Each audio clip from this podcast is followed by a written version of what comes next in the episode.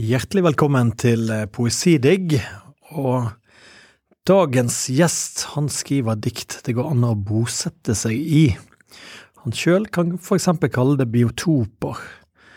Landskap oppholder seg innhyllet i et språk som antyder og benevner, men aldri overmanner deg. Jeg kan tenke meg at det går an å puste i de. Kasper André Lugg han debuterte i 2011 med samlingen Lite rekviem, og har gitt ut hele syv bøker det lille tiåret han har virket som forfatter. En stødig produksjon der. Alle sammen er hyllet av kritikerne, og jeg har i mange sammenhenger sagt at det virker nesten umulig å samtale om disse bøkene. At, eh, at selv om jeg leser det igjen og igjen med glede, og elsker å være på innsiden av de, så er det akkurat som at diktene bare er i seg sjøl. Det høres ut som en klisjé. Men likevel, det er det vi skal gjøre i dag, Kasper. Vi skal snakke om, om diktene. Hjertelig velkommen til Poesidigg. Tusen takk. Og Bergen, du er her fysisk. Ja, det Jeg tok reisen. Jeg tenkte det var på tide å, å se litt mennesker og eh, bevege litt på seg. Ja, ja. Mm. Og her har du vært før. Du har bodd der i mange år? Ja, bodde der i fem år mens jeg studerte. Mm. Men det er, er, jo noen år sia, da. Så eh, det er, eh, jeg har på en måte fått nok avstand til, eh, til, den tida til at jeg er sentimental når jeg går gjennom Bergen nå, da. vi som bor her i Bergen, vi er sentimentale selv om vi har bodd der alltid, vi. Ja, det er det, det fine. Ja, ja. Du, jeg innledet med å si at dette er vanskelig å snakke snakke om, eller oversette til et språk utenfor diktene selv. Mm. Kan du forstå det? Ja. Det er jo ikke enkelt for meg heller å, å, å samtale om det, men det er jo um, i hvert fall sånn jeg ser det, noe av det mest uh, løfterike ved poesien. At den um, Eh, krever et eh, arbeid av deg, og en annen måte å tenke på, kanskje, og en annen måte å samtale om det på, kanskje. Det er ikke så mange former som gjør det eh, så eksplisitt da, som poesien. Så øh, vanskelighetsgraden og, og, på en måte det uoversettelige, det, det, er, det er på, på, et vis noe jeg holder høyt, da. Eh, verdsetter. Eh, og også til og med mine egne min egen stotring i forhold til det syns jeg har en verdi, altså. Det at, at, jeg også må på en måte gjøre en innsats, da. Mm.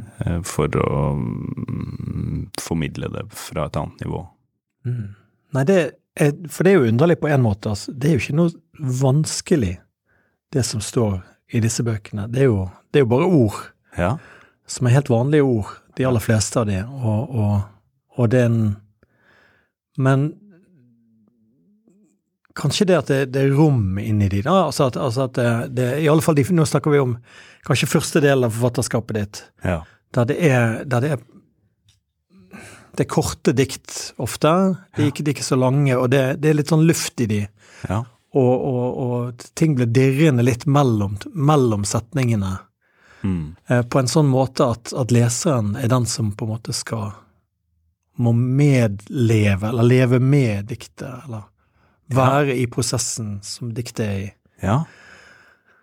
For å Altså, man trenger kanskje ikke å oversette det til en, til en mening eller en å nei, absolutt ikke. Altså det, det, men der igjen står jo poesien i en særstilling. Altså at vi kan vi kan møte den og se verdien av den og, og bli preget av den uten å skulle nødvendigvis øh, gjøre øh, analyse av det. Um, fordi diktet kaller jo på andre deler av oss enn bare det rasjonelle eller mentale, ikke sant. Altså at vi vi opplever det musiske ved diktet, det suggererende og det sanselige og det fremmede og eh, kanskje, kanskje, hvis vi er villige til det, lærer å ta i bruk eh, større deler av oss selv da, i, i, lesningen. Men det er klart det er, det er, vanskelig å på en måte komprimere det til eh, eh, Hva skal man si eh, Enkel og grei formidling. Eh, det er nok ikke alltid så lett, men det kan sikkert skje, det også. Ja, er bare, men, eh, men jeg ser um, Nå er det vel kanskje i de, spesielt i de senere bøkene da, at det blir eh, enda mer vrient Mm. ja, det skal vi. å, å prate om det, men, uh, men også er det vel til stede i de tidligste, eller de fire første bøkene også, kanskje. ja. Mm. Ja, det skal vi snakke om. Det, det, at det skjer et lite sånn en utvikling i forfatterskapet som er Ja. spennende å se på. Um, men vi, hvis vi begynner da med at en av de litt sånn morsomme tingene med å ha disse poesidiktsendingene, er å be diktere om å lese fra sin debutsamling. ja. Og, og jeg vet ikke hvordan du forholder deg til den, men Eh, Det, jeg har ikke blitt bedt om det før. Nei. Så det er, det er egentlig en fin anledning til å Eller med et visst ubehag å, å måtte forholde seg til eh, til det første man gjorde, men samtidig mm, så ser jeg jo eh, fra et litt annet sted da, hva jeg jobbet med da, så det, det, har, det har vært eh, gøy. Og jeg leser gjerne ja. eh, noen dikt derfra. Lite rekviem, altså. Ja.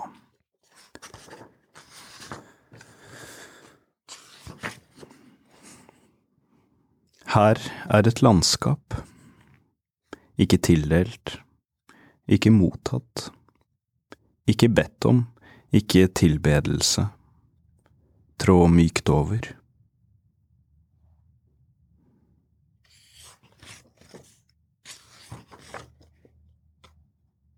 Ordet begynner uten stemme, uten blikk, uten berøring, mellom deg og far som slipper deg forsiktig ned i gresset, mellom lys, skygge og et skjelett som ennå er mykt.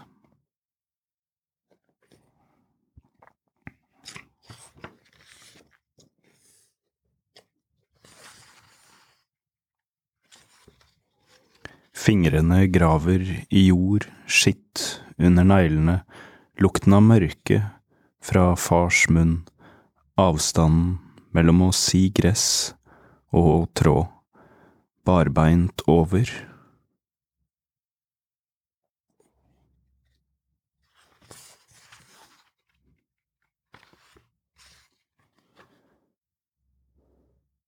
Du oppdager nye spor i snøen en fortløpende ordløshet mot fingertuppene.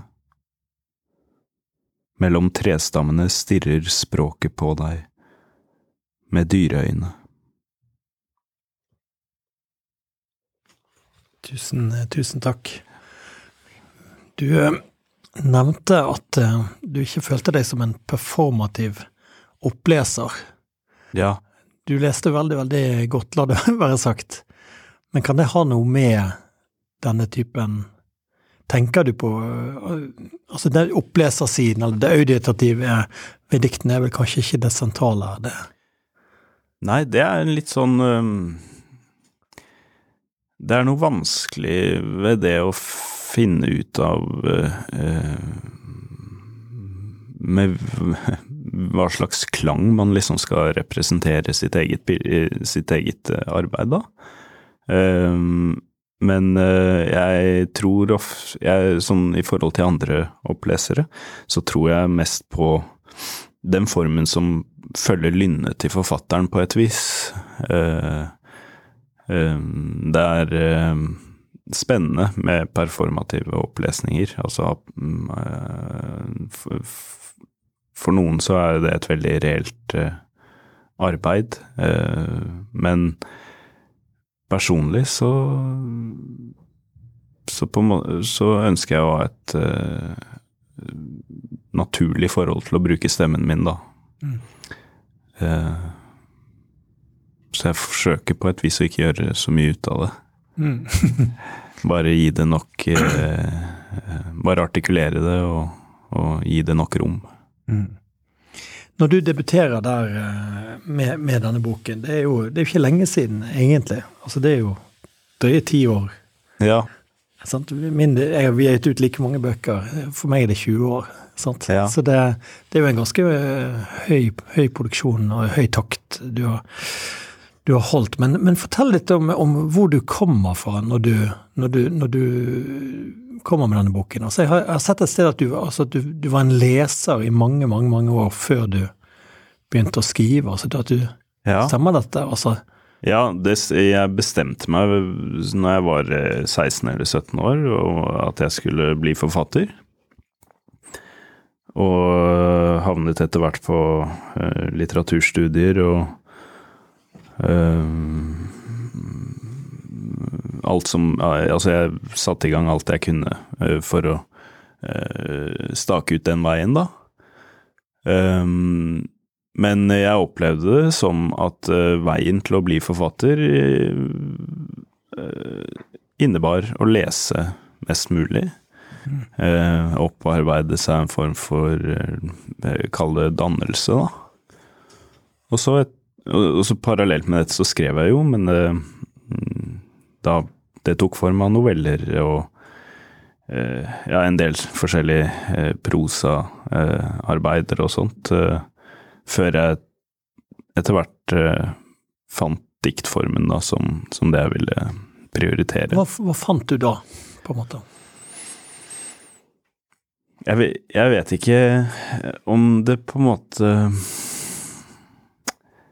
er så lett å si akkurat hva jeg fant, annet enn en gjengklang i eh, eh, noe jeg kjente at jeg kunne mestre. Sånn eh, det, at det, det, på en måte korresponderte mer med uh, følsomheten min, eller det jeg ønsket å jobbe med, da. Uh, mye mer enn å forsøke å stake ut fortellinger og beskrivende lengre tekster og alt det som jeg tvang meg til, for, mm. fordi jeg måtte jo prøve. men så kjentes det ut som det skjedde mer akutte eh, ting i poesien. Mer erkjennelsesarbeid og eh, Ja, det bare mm. korresponderte med, med, det indre livet mitt, da, sånn at eh, Ja, jeg, jeg, fant tidlig, ganske tidlig ut at det var, eh, det var po poesien jeg skulle jobbe med, da. Var det spesifikke lesninger? Altså var det, er det sånn at du kan pinpointe hvilke poeter du finner som som åpner, åpner, for tanken om å tre inn i den? Ja, jeg ble Jeg ble tidlig øh, Jeg ble veldig tiltrukket av øh, det, det fremmede ved det, og det veldig utfordrende ved det. Så Paul Celan har vært kanskje eh, en av de mest formende eh, poetene da, i, i min lesning, fordi at det Eh, var så konfronterende vanskelig, og eh, nektet på en måte å gi slipp på meg. Um, og Nelly Sachs så jeg oppholdt meg mye rundt uh, disse poetene. Um, men så har det jo etter hvert uh, Det er jo annerledes nå, og det er jo uh, ja, altså en leserhorisont utvider seg jo hele tiden. Mm. Men eh, det var Det var på en måte den eh, veldig insisterende fremmedheten ved poesien som mm, virket veldig forlokkende og hemmelighetsfull og viktig på meg. Mm. Det som eh, gjør dette til en, en, en, fin bok for meg å lese, det er jo denne farsrelasjonen. Da. Det er jo en, det er en tydelig far her. Det er tydelig et nivå i, i boken som, helt, som virker eller fremstår konkret, med en, mm. en døende far og, ja. og sånn. da. Så jeg kan jo identifisere meg veldig på det planet. Da. Så ja. det, det, gjør det til en enkel bok for meg å lese. Altså. Altså, ja. Jeg føler jeg kommer inn veldig lett. Ja. Eh, er, det en, er, det noe som skjer Er det ditt eget liv der? Altså, ja. Det var på en måte det stoffet jeg hadde. Ja. Eh, jeg, på en måte, for jeg trengte jo et eh, det, det var jo også en sånn eh, åpenbaring for meg å innse at alt det mørke jeg bar på, og alt det som virket uløselig i, i, i, i livet, på et vis, kunne jeg bruke til noe Mm. i litteraturen. At det var et eh, hjem for det der, da. Eh, Så jeg det, det var jo min nære fortid, dette farstappet, som jeg det, på, det var på en måte der jeg hadde eh, kompetanse, for å si det sånn, da. Mm. Eh, så det Og det var et stoff med så høyt eksistensielt trykk at det kunne veldig lett låne seg til poesien. Mm. Så ja, det, det var, var vel en form for virkelighetslitteratur, ja. Ja. ja. Nei, for jeg hadde helt lik inngang, da. Altså, det var en døende far da, i min første bok, så, så nettopp å ha, det, ha et sånt stoff som på en måte At, at du har gjerne språkarbeidet, Ja. du tenker mye på det, men så har du samtidig det emosjonelle drivet til å skrive det. ja. Så det blir en, eh, en eksplosiv eh, Ja, og det er nesten sånn jeg vet ikke om jeg hadde funnet veien til litteraturen, hadde det ikke vært for at det var eh, Jeg måtte f Eller jeg nok eh, indirekte søkte etter eh, måter å aktivisere det på en fruktbar måte, da. Alt det Disse tapserfaringene. Ja. Så sånn sett så Så var jo det en gave å ha det stoffet. Mm. Altså, det kommer jo fire bøker relativt raskt her, og de henger jo også sammen i en De er blitt samlet av, av forlaget, ditt første forlag, Kappel, Ja. under overskriften 'Havet er her allerede'. Mm. En litt eh, skummel tittel for vi oss som er redd for klimaforandringene. Ja. Men, eh, men, eh, men det er vel De henger veldig tydelig sammen, disse bøkene Ja. kjenner jeg. Eh, Og det, det har jo noe med naturen, selvfølgelig. Altså det, det rene biotopet de, Ja. de finnes i. Ja. Uh, uh, Men det er også noe med dette her med Som kanskje er det, det som jeg syns er vanskelig å snakke om, eller oversette til språk, men det er liksom dette forholdet mellom jeget, eller det seende, og det sette, på en måte.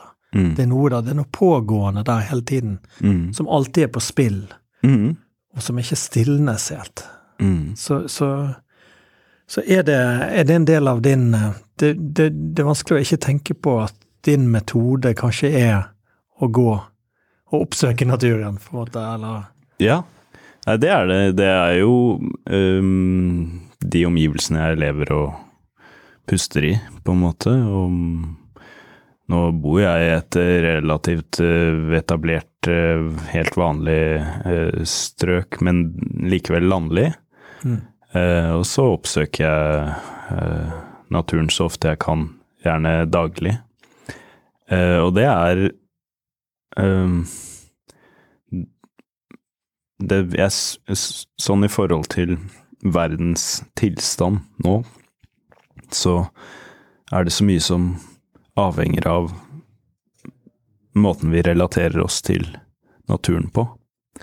Eh, om, om vi klarer å, å, å ha en relasjon til naturen som ikke er ødeleggende. Så det er på en måte Det er, jeg, kanskje Jeg tror det er eh, min dypeste drivkraft. Og hele tiden forsøke å finne ut av hvordan er det vi tilhører eh, naturen. Hvordan er vi i natur? Eh, hvor nært eh, er det mulig å på en måte eh, komme eh, den relasjonen?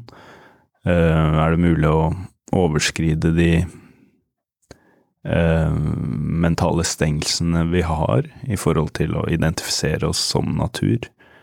Eh, og det har jo Det er nok et eh, en linje helt fra de første bøkene, på et vis. Eh, men men da mer som en tematisk, eh, billedlig praksis. praksis. Mens eh, det der det virkelig på en måte ble akutt i selve språkarbeidet, er jo fra og med til i det virkeliges blomstring og, og, og oppover, da. Mm. Eh, hvor, eh, Ja, hvor, Fra din femte bok, altså. Ja, hvor det relasjonsspørsmålet eh, ble eh, Begynte å øve trykk på selve språket på en annen måte, da. Mm. Eh, Så der er det nok en, om, ikke et brudd, men et annet nivå, da. Eh, Og så vet jeg jo ikke eh, hvordan det fortsetter, men jeg opplever egentlig det som eh, ja, eh, grunnarbeidet hele veien, da. Eh, På tvers av bøkene. Må forsøke å eh, ja eh, gjøre et arbeid eh, hvor jeg ser denne eh, forbindelsen mellom også naturen, eller også det organiske livet, på forskjellige måter, da. Mm.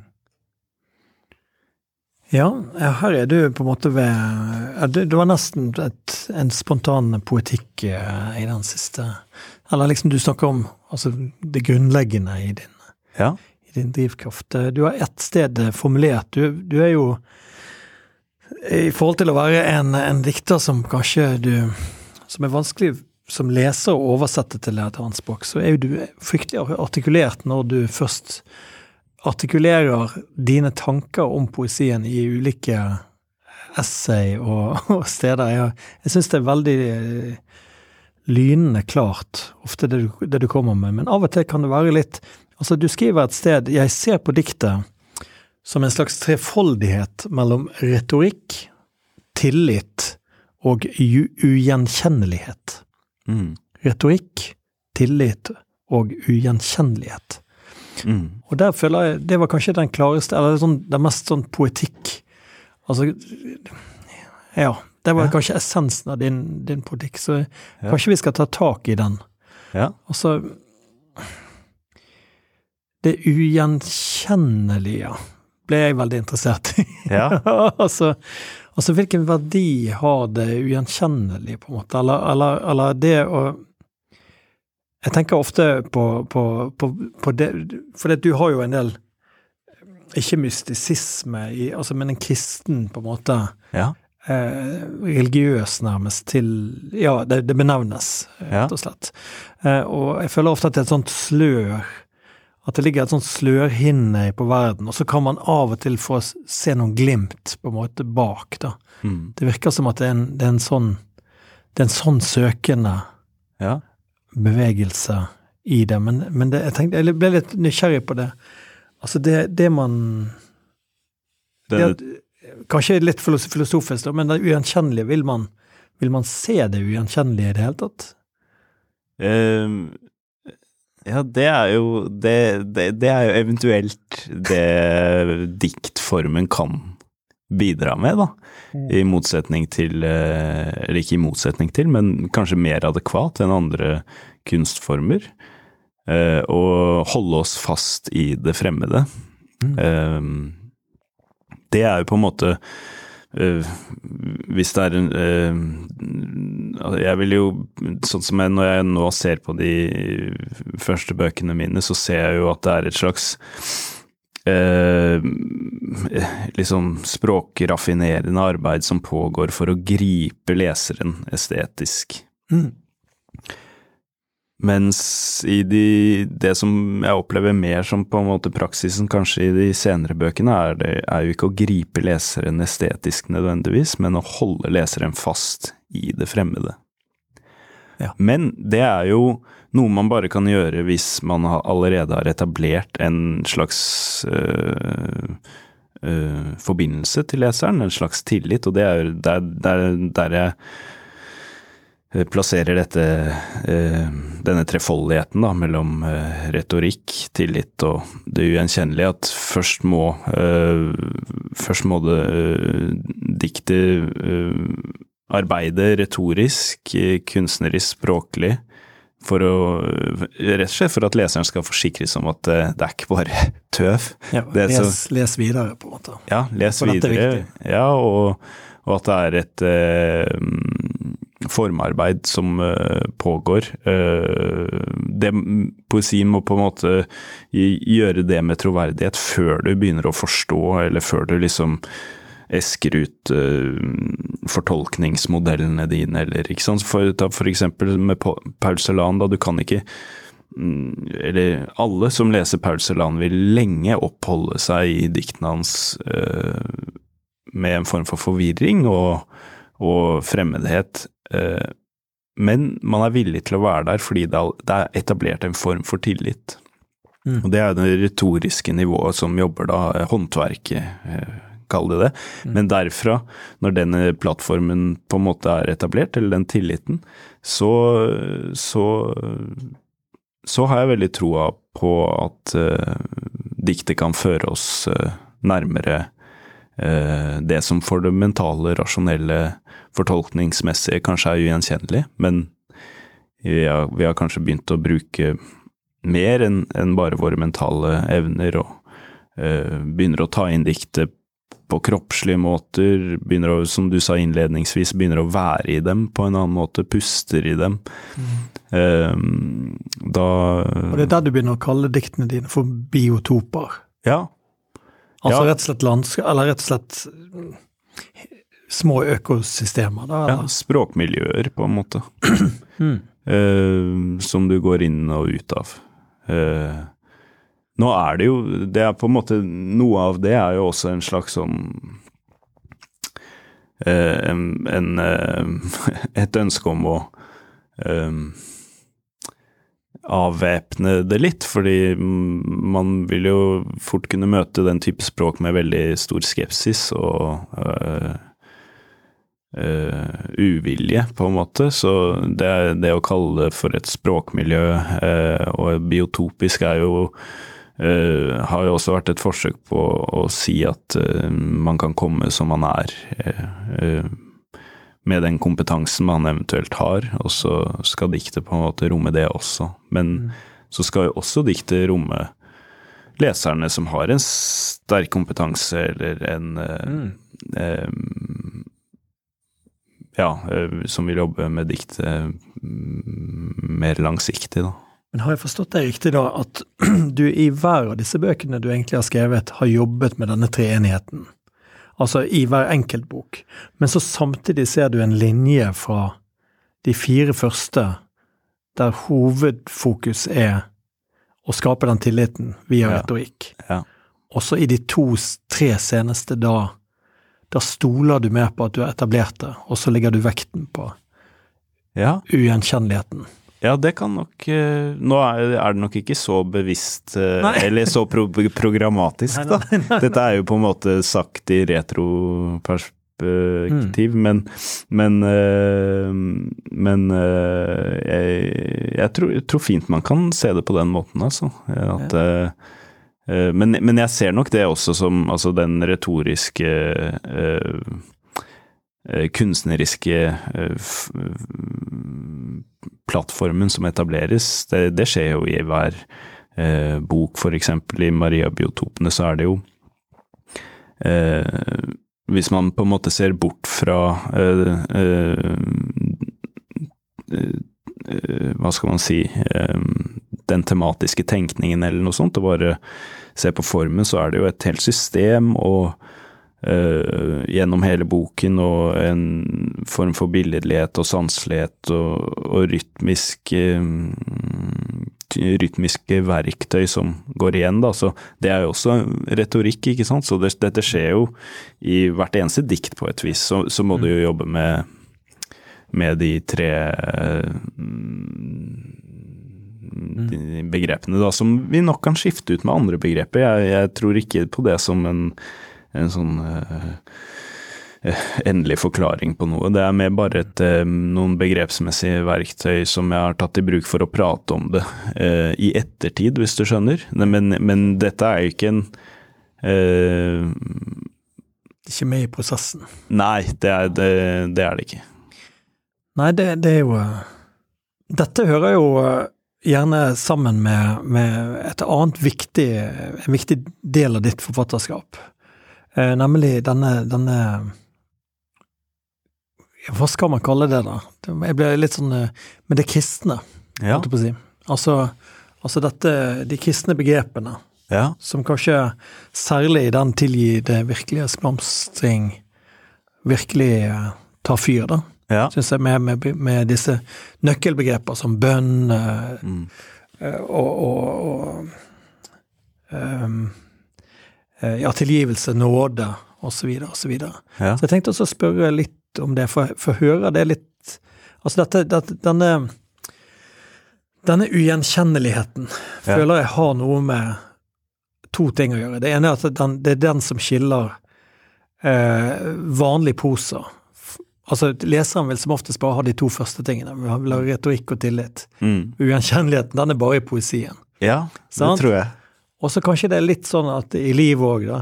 Ja. Altså at den kristne vil også ha ugjenkjennelighet, da. Eller Ja. søker ugjenkjennelighet. Ja. Mens vi som ikke er kristne, da, vi er litt blaffen i det når vi lever liv, livene våre. Kan det, kan det, kan det stemme? Altså, altså, føler du at du også i livet trenger denne ugjenkjenneligheten? på? Altså, Ja, det gjør jeg absolutt. Jeg, jeg, nå er jeg jo ikke på en måte jeg er ikke så opptatt av å, å kodifisere bøkene mine med kristne begreper, eh, eller liksom å ramme det inn på den måten, men men jeg henter vel eh, Jeg henter mye øh, næring fra øh, den øh, kristne forståelsen av kjærlighet, fordi hvis, det er jo på en måte noe vi gjerne snakker om i medmenneskelig sammenheng, da. Mm. Men oppfordringen der, særlig den mystiske øh, varianten av, øh, av, øh, av dette kjærlighetsbegrepet, så er jo oppfordringen at du skal elske det som er helt annerledes, uten å forvente noe igjen. Og så forsøker jeg Jeg har nok det med meg som en slags grunnholdning i møte med naturen. At jeg Hengivelse, vil Ja. det kalles. Ja. Mm. Uh, men det er en overskridende form for uh, hengivelse, da. Det er, en, det er jo på en måte du uh, Du relaterer deg til den andre mye mer grunnleggende enn det du kan gjøre ved å identifisere deg ved den andre på bakgrunn av det du gjenkjenner i den andre, da. Eh, så jeg har vært eh, jeg, jeg er daglig veldig søkende etter hvordan er det dette kjærlighetsforholdet eh, kan vise seg i, i forhold til naturen. Hvordan kan jeg forbinde meg med det som framstår som en helt annen livsform enn min egen, med hvordan, hvordan kan jeg på en måte plassere meg i, i samme, i samme Et tre, eller? Et tre eller, eller et hogstfelt for den saks skyld, altså et rasert eh, eh, eh, naturområde, eller det helt mikroskopiske, altså. Um, Fordi intuitivt så kjenner jeg meg overbevist om at vi tilhører eh, Kommer fra det samme, på en måte. Tilhører den samme formen Tilhører den samme kjærligheten, men men, men det er veldig Det er et stort arbeid som gjenstår på en måte å finne ut hvordan vi tilhører, da, og hvordan øh, øh, jeg, På ett nivå i meg så vet jeg at alt tilhører, punktum. Men, men jeg Det er på en måte Det er et nivå som er litt vanskelig å omdanne til språk og, og tanke. Eh, men, men dypest sett så forsøker jeg vel å gjøre det i, i diktene, da. Eh, men det er denne dette håpet om at vi kan etablere en relasjon til naturen eh, som overskrider gjenkjennelsen, som ikke er avhengig av identifikasjon, men som anerkjenner naturens annerledeshet naturens verdighet eh, uten noe nytteperspektiv, da. Eh, som jo vi trenger. Vi trenger jo den formen for eh, forbindelse veldig i vår tid, da, hvis det skal gå, på en måte. Ja. Så der, i det feltet, så blander det seg litt tenkning fra den kristne tradisjonen og tenkning fra naturvitenskap og altså det er mange forskjellige praksiser som blander seg, da, men det er i det feltet jeg forsøker å jobbe. Mm, det gir mening.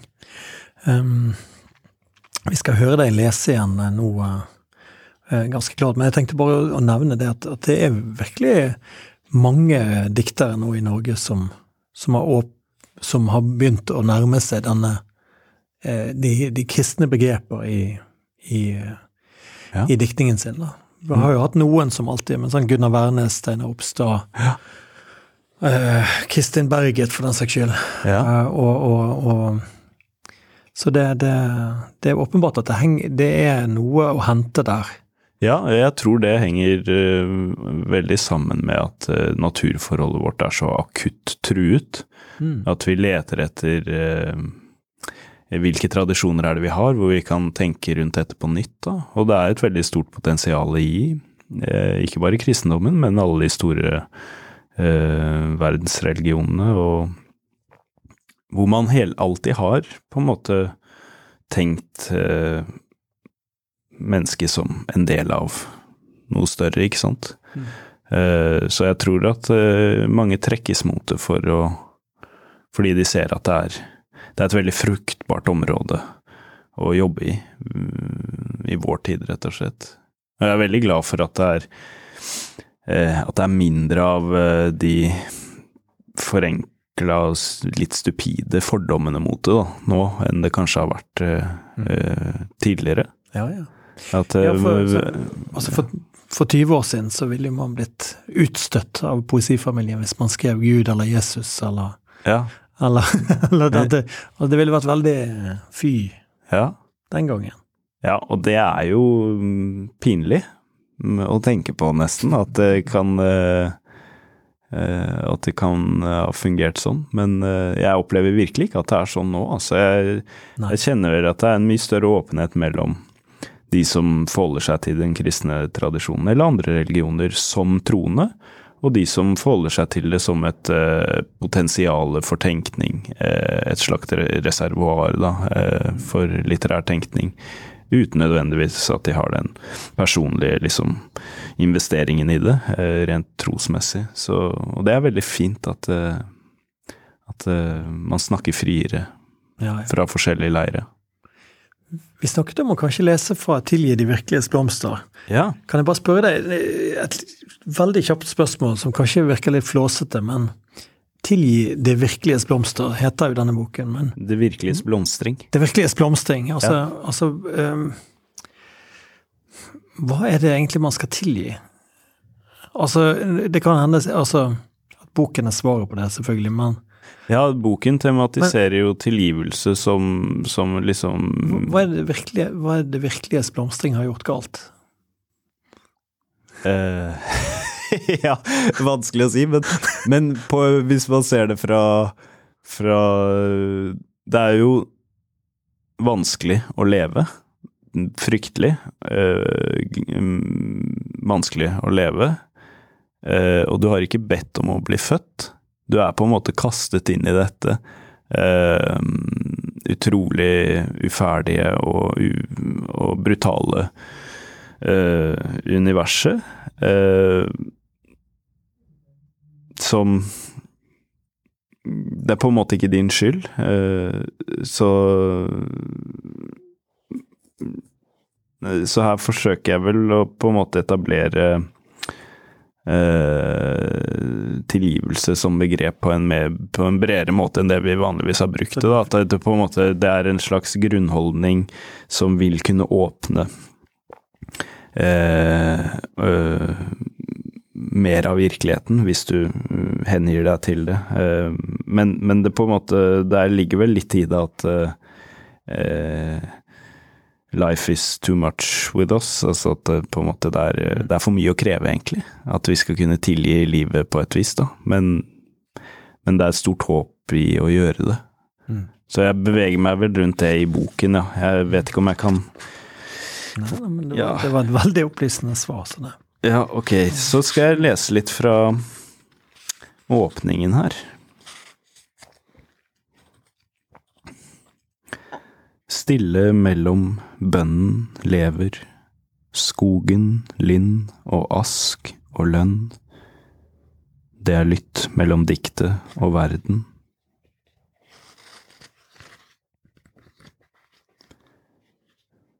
Kanskje du elsker å vise deg som langsomt løftet vind i ospekronen, den eneste mulige flåte i det høye.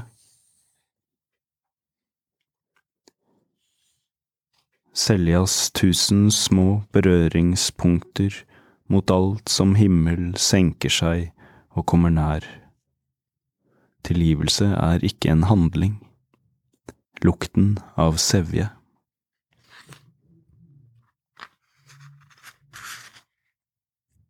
Grov forgreining opphører. Eller en setning. Her, ta min hånd, ta min plass. Tusen takk for, eh, for den lesningen eh, igjen, eh, Kasper. Eh, altså, vi nærmer oss de to, de to altså Maria-biotopene, også Sted for løpende hjerte, da, som er to relativt ferske bøker. Mm. Og der mener jeg jo for eksempel kritiker Gunnar Wærnes i dette tilfellet, han gjør en lesning i, i, av Maria-biotopene der han mener at du, du, endelig går ut av ditt gode skinn, på en måte. da. Altså at du, at du tar en sjanse, at du har vært for god og fredfull og liksom pietistisk. Men så kommer du og, og kliner til her, liksom, og, og våger noe, da. Ja. Følte du sjøl at, det var- at det var liksom noe farlig, altså? At, å gå inn i dette som du, du tidligere kalte det ugjenkjennelige, på en måte, og vektlegge den? Um, Og gjøre det vanskeligere for leseren, på en måte. Være litt mindre sjarmerende for leseren, på en måte. ja, men vet du, det er et underlig tilfelle, fordi at det er jo Det er først i og med den boken, egentlig, at eh, Eller i veldig mye større grad enn de tidligere bøkene, at eh, jeg fikk flere og flere henvendelser, og altså opplevde et helt annet type engasjement i, den bok, i møte med den boken da, enn tidligere. Men jeg tror vel at det Gunnar Wærnes peker på, er jo at det er en eh, slags formfullendthet som jeg har eh, lett etter i de tidligere bøkene, som jeg lar gå i fullstendig oppløsning i, i egentlig i og med Til i det virkeliges blomstring, boken som kom før Maria-biotopene. Men du som- leste fra. Mm. Ja, men som kanskje dras eh, til sin eh, ytterste konsekvens i Maria-biotopen, da. Um, det er um, Jeg opplevde det ikke som Altså, hver eneste diktutgivelse er jo um, risikofylt og ubehagelig på sin måte. Eh, men jeg kan ikke si at jeg opplevde det som noe verre med Maria-biotopene enn med noen av de andre eh, bøkene. Jeg visste jo at jeg gjorde et grep som ville forvirre eventuelt noen, og øh, kanskje føre noen til fortvilelse og andre til en form for øh, øh, jubel, i Mm. beste fall. Så Nei, altså, jeg forsøker jo på en måte ikke Jeg må, jeg må gå dit poesien øh, vil ha meg, på en måte. Jeg helt øh, forsøker å jobbe helt uavhengig av eventuelle eh, forventninger hos leserne, eller, Mm.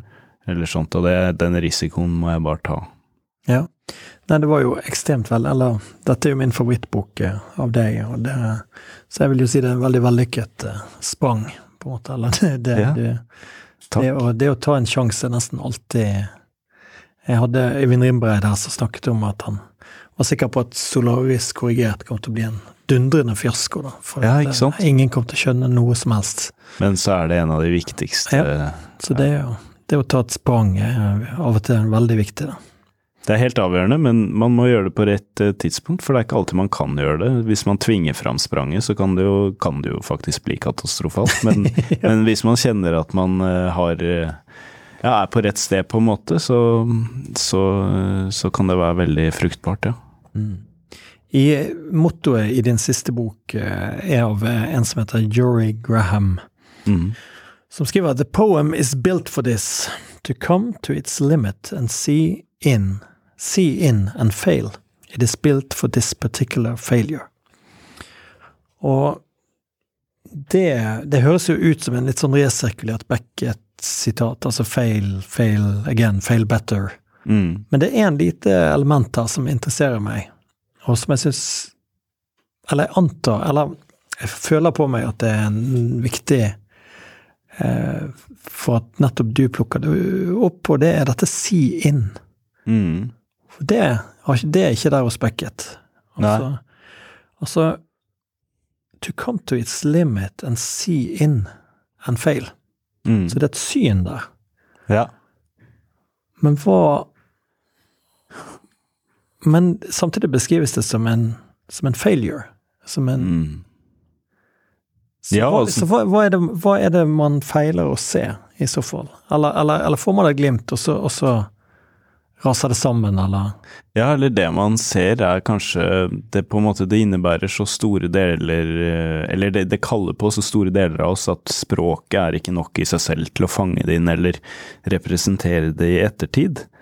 Eh, Så det er vel i den forstand at ethvert dikt eh, feiler på et vis, i det at det, det, er, det er veldig på en måte mm, det vil favne mye, og det vil, vil bore dypt, Uh, men det kan bare gjøre det glimtvis. Vi kan bare på en måte få tilgang til disse uh, Ja, å være koblet til virkeligheten på et så dypt eller uh, omfattende nivå glimtvis. Vi kan ikke romme det ene og alene i språket eller, eller tanken vår, så sånn sett så så feiler vi hele tiden, da, eh, i det vi forsøker å gripe dette uh, Ja. Uh, det er vel Men det er en veldig fruktbar måte å feile på, og det er det Jory Graham legger vekt på, at hun Og som Eller slik jeg oppfatter det, at hvert eneste forsøk er Det er aldri bortkastet å prøve igjen og igjen, selv om det selv om på en måte du ikke alltid har eh, kan være så resultatorientert eller konkludere i ettertid, da. Så og, og diktet er jo hele tiden i denne veldig utprøvende holdningen, ikke sant? Mm. I møte med verden. Så det må på en måte være grunnleggende i selve den poetiske praksisen, og, og romme øh, det å feile, da. Øh, Nærmest som en del av øh, metoden, på et vis. Din siste bok, som også har fått eh, eh, veldig, veldig gode, gode kritikker og blitt fremhevet som en av de beste utgivelsene i, i fjor, eh, som heter Sted for løpende hjerte. Eh, den har eh, en litt sånn form som kanskje er ny, at, at den, er, den virker litt sånn kapittel Mm. Altså at det, det, det, det kommer inn fra forskjellige vinkler. og Ja. Det står jo også her at, eh, at flere av tekstene kommer fra noen andre sammenhenger Ja. og har blitt skrevet inn i denne boken. Mm. Vil du si litt om den arbeidsmetoden denne gangen? Ja, øh, det var øh, Det er på en måte jeg, jeg forsøker jo Jeg jobber jo fulltid med dette, så jeg forsøker jo hele tiden å være i en form for uh, skrivende prosess, men den, det er jo ikke alltid den på en måte er så tydelig siktet inn mot et ferdig verk. Uh, Jeg jobber mye med Andreas Ferve- Fermeren-Holm, uh, med forlaget Virkelig i Danmark. Med, danske poeten ja, og eh, forleggeren. Mm, med små prosjekter, små eh, Ja, altså disse uh, Hva kaller man det? Ikke fanziner, men litt sånn, små chapbooks-aktige ting de holder på med. Altså små oppstykkede uh, former for arbeid, da, som jeg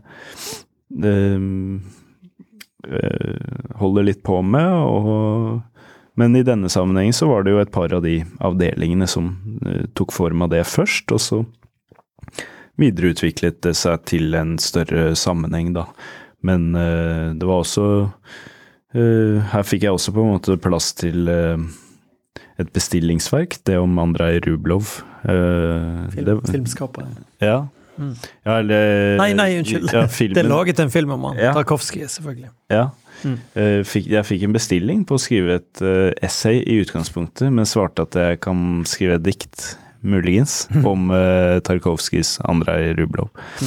Uh, og så ville jeg på en måte Fordi jeg har jo i alle bøkene mine hatt en veldig tydelig kompositorisk uh, helhet. Uh, og jevnhet, på en måte, i, fra begynnelse til slutt, holdt jeg på å si.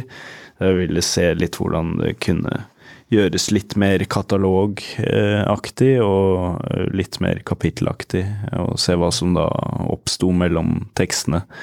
eh, Disse ulike måtene å henvende seg på.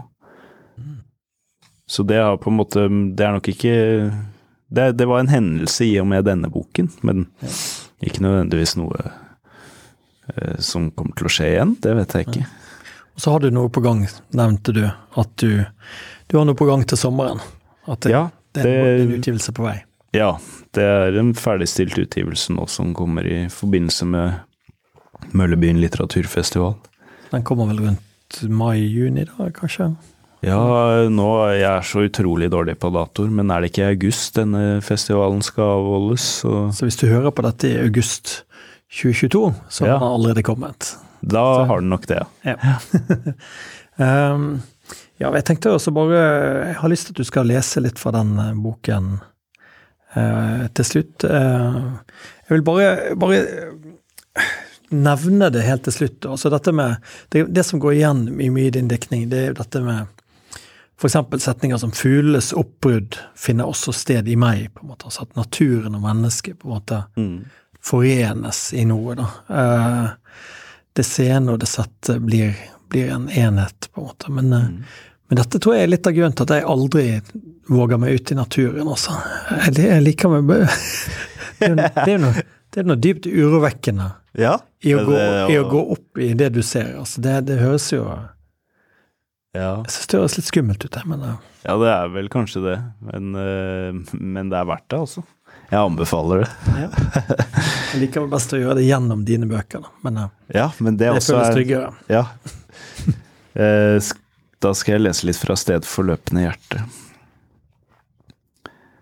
Er det blikket eller biotopen som forsvinner i den knapt merkbare vinden? Det finnes så mange måter å mørklegge et ansikt på. Frykt er en av dem. Alle formene for samtidighet. Bjørka og ansiktet står for det ugjenkjennelige. Mitt nærvær er urent, klengete og håpefullt. Jeg verken velger eller vet hva jeg bringer med meg. Også tilliten er ugjenkjennelig.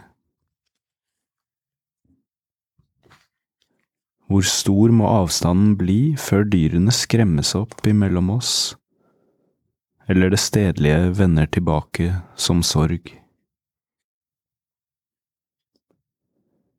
Etterligningene spirer fra hvilket som helst jordlag, ryggsøylens slake bue, og så mye vet jeg, et skadet språk er et egnet åte.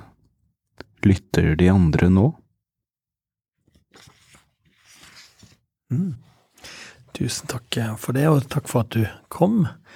Jeg skal også takke Norsk kulturråd, Bergen kommune, og vi skal takke teknikeren som sitter der borte, Andreas Gravdal. Og så skal vi eh, vandre ut igjen i eh, den vidunderlige byen som er Bergen. Ja. Takk for at jeg fikk komme. Veldig kjekt. Og på, gå inn og hør på de andre podkastene hvis, du- hvis du likte denne her. Takk for oss. Takk for oss.